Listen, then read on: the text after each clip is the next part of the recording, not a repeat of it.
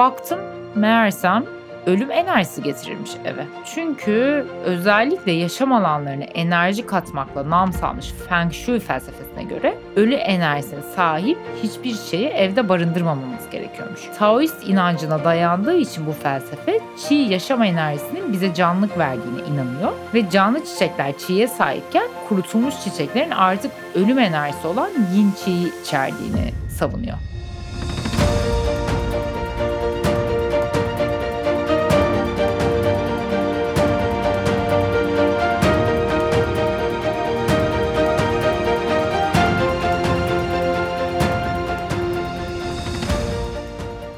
Herkese merhaba. Ben Doktor Tuğçe.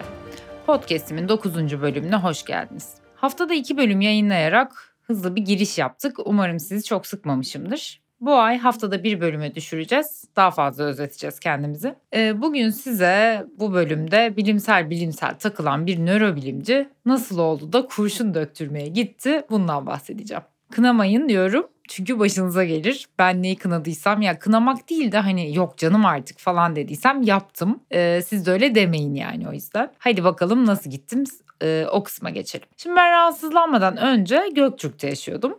İstanbul'da yaşayanlar bilir Göktürk böyle gayet yeşil, sakin, şehirden uzak, çok fazla derdi tasası trafiği olmayan bir yerdir. Ama sonra şehre çok uzak olmaktan sıkıldım Şişli'ye taşınmaya karar verdim. Ee, eski bir Şişlili olarak o heyecanı, hareketi özlemiştim. Hani neden yani o yeşilliklerden çıkıp da tutup şehrin göbeğine, e, betonun ortasına gider insan dediğinizi duyar gibiyim. E, zaten ben de sonrasında dedim çünkü e, belamı buldum tabiri caizse. Benim bu hastalık serüveni taşındıktan tam 4 ay sonra start buldu. AVM'lere gittiğinizde siz de hisseder misiniz bilmem ama ben böyle 1-2 saat sonra ciddi bir şekilde enerjimin çekildiğini hisseder, yorgun düşerim.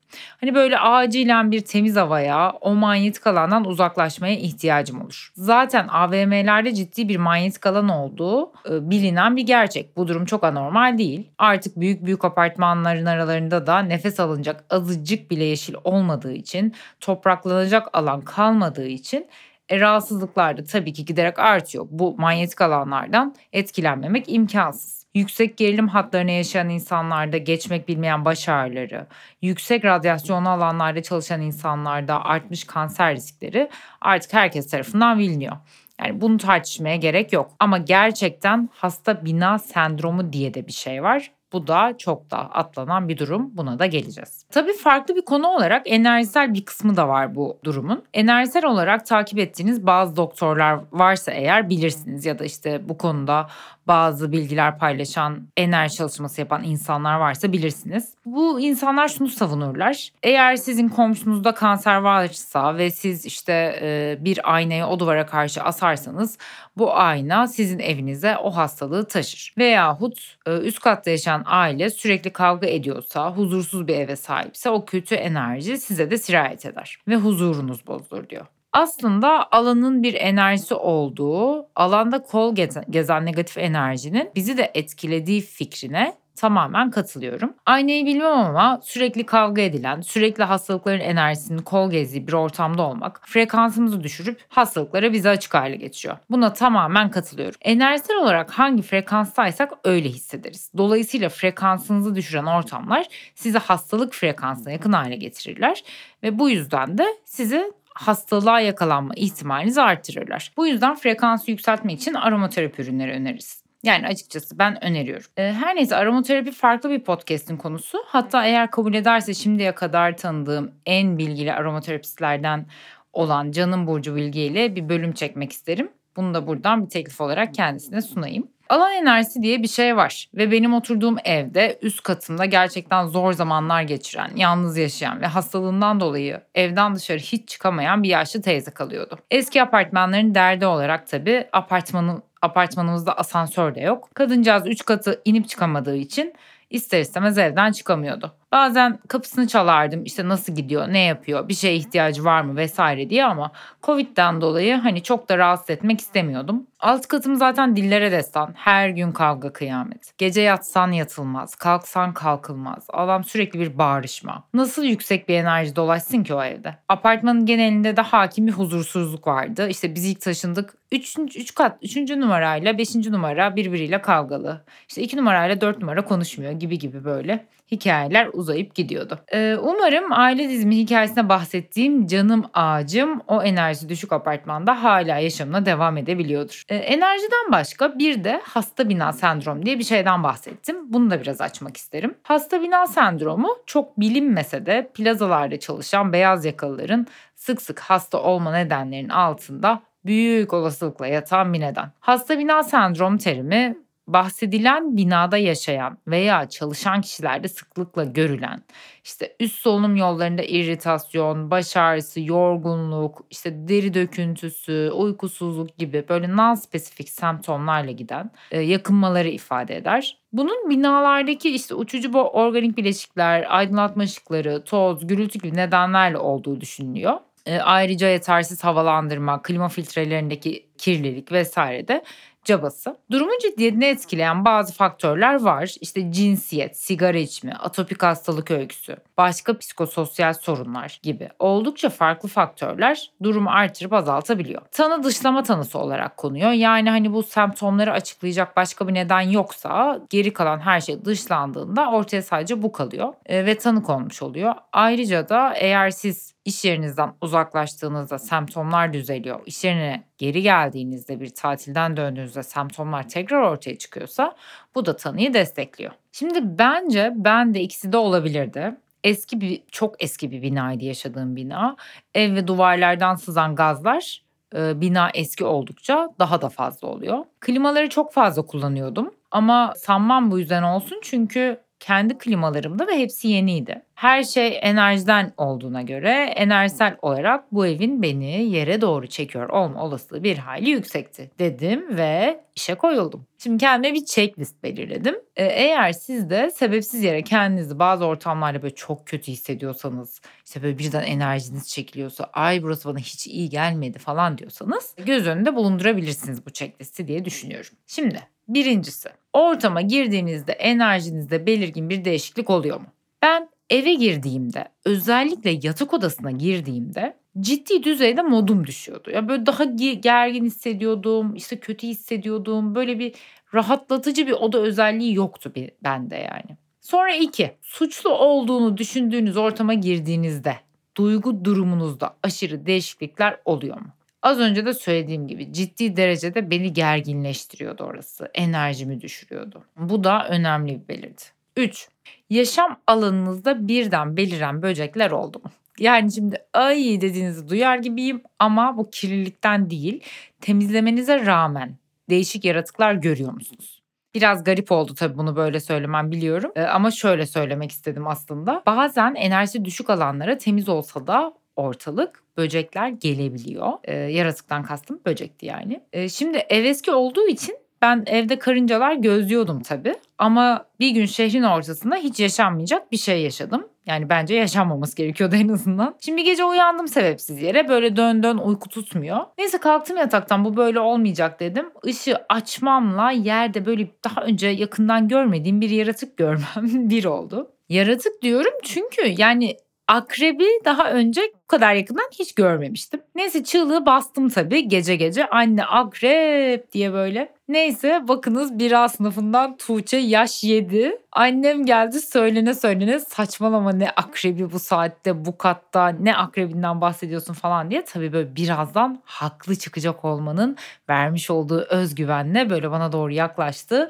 Sonra bir baktı akrep dedi. Ne geziyor burada? Ya dedim işte gördün mü? Neyse neyse ki çocukluğu köyde geçmiş. Akreple ne yapacağını biliyor. Şimdi Dedi biz bunu küçükken şişe geçirir ateşle yakardık. Yani şimdi Allah'ım gülsem mi ağlasam mı? Anneciğim dedim yani cani misiniz? Atalım yeter niye yakıyoruz hayvancağızı her neyse. Ben zaten sana şimdi ateşi şiş nereden bulayım gecenin bir yarısı?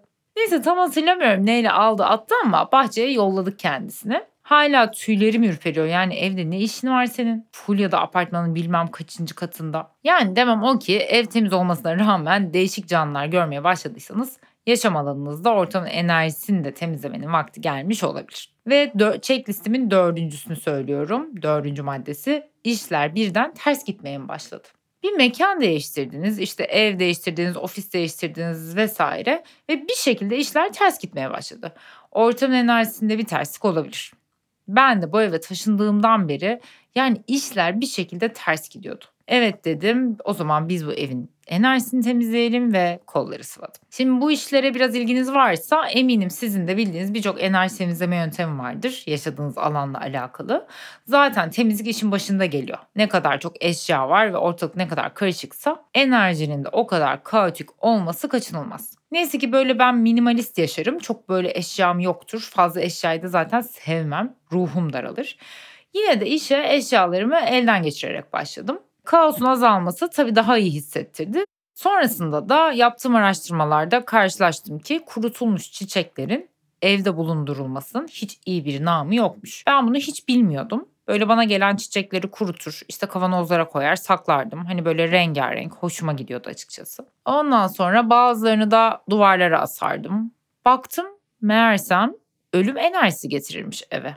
Çünkü özellikle yaşam alanlarına enerji katmakla nam salmış Feng Shui felsefesine göre ölü enerjisine sahip hiçbir şeyi evde barındırmamamız gerekiyormuş. Taoist inancına dayandığı için bu felsefe çiğ yaşam enerjisinin bize canlılık verdiğine inanıyor ve canlı çiçekler çiğe sahipken kurutulmuş çiçeklerin artık ölüm enerjisi olan yin çiğ içerdiğini savunuyor. Bulunduğu alandaki enerjiyi aşağı çeken bu çiçekler frekansı düşürüyor e madem her şey frekans, her şey enerji bu durumda bence gayet mantıklı. Kalan azıcık enerjimi de bunlara vermeye hiç niyetim yoktu. Hepsini uğurladım kurtulmuş çiçeklerimin. Ama şunu söyleyeyim, Feng Shui'ye göre kurtulmuş olarak sorun yaratmayan tek çiçek lavantaymış. Bunu muhtemelen aromaterapetik yağ içeriğinden sağlıyor ama yine de tam bir bilgim olmadan yorum yapmak istemem. Rahatlatıcı etkisi için kullanmak istiyorsanız lavantayı yağını uyumadan önce yatak odasında biraz difüzör yardımıyla kullanmanızı öneririm. Yastığınıza ya da birkaç damla damlatabilirsiniz. Çünkü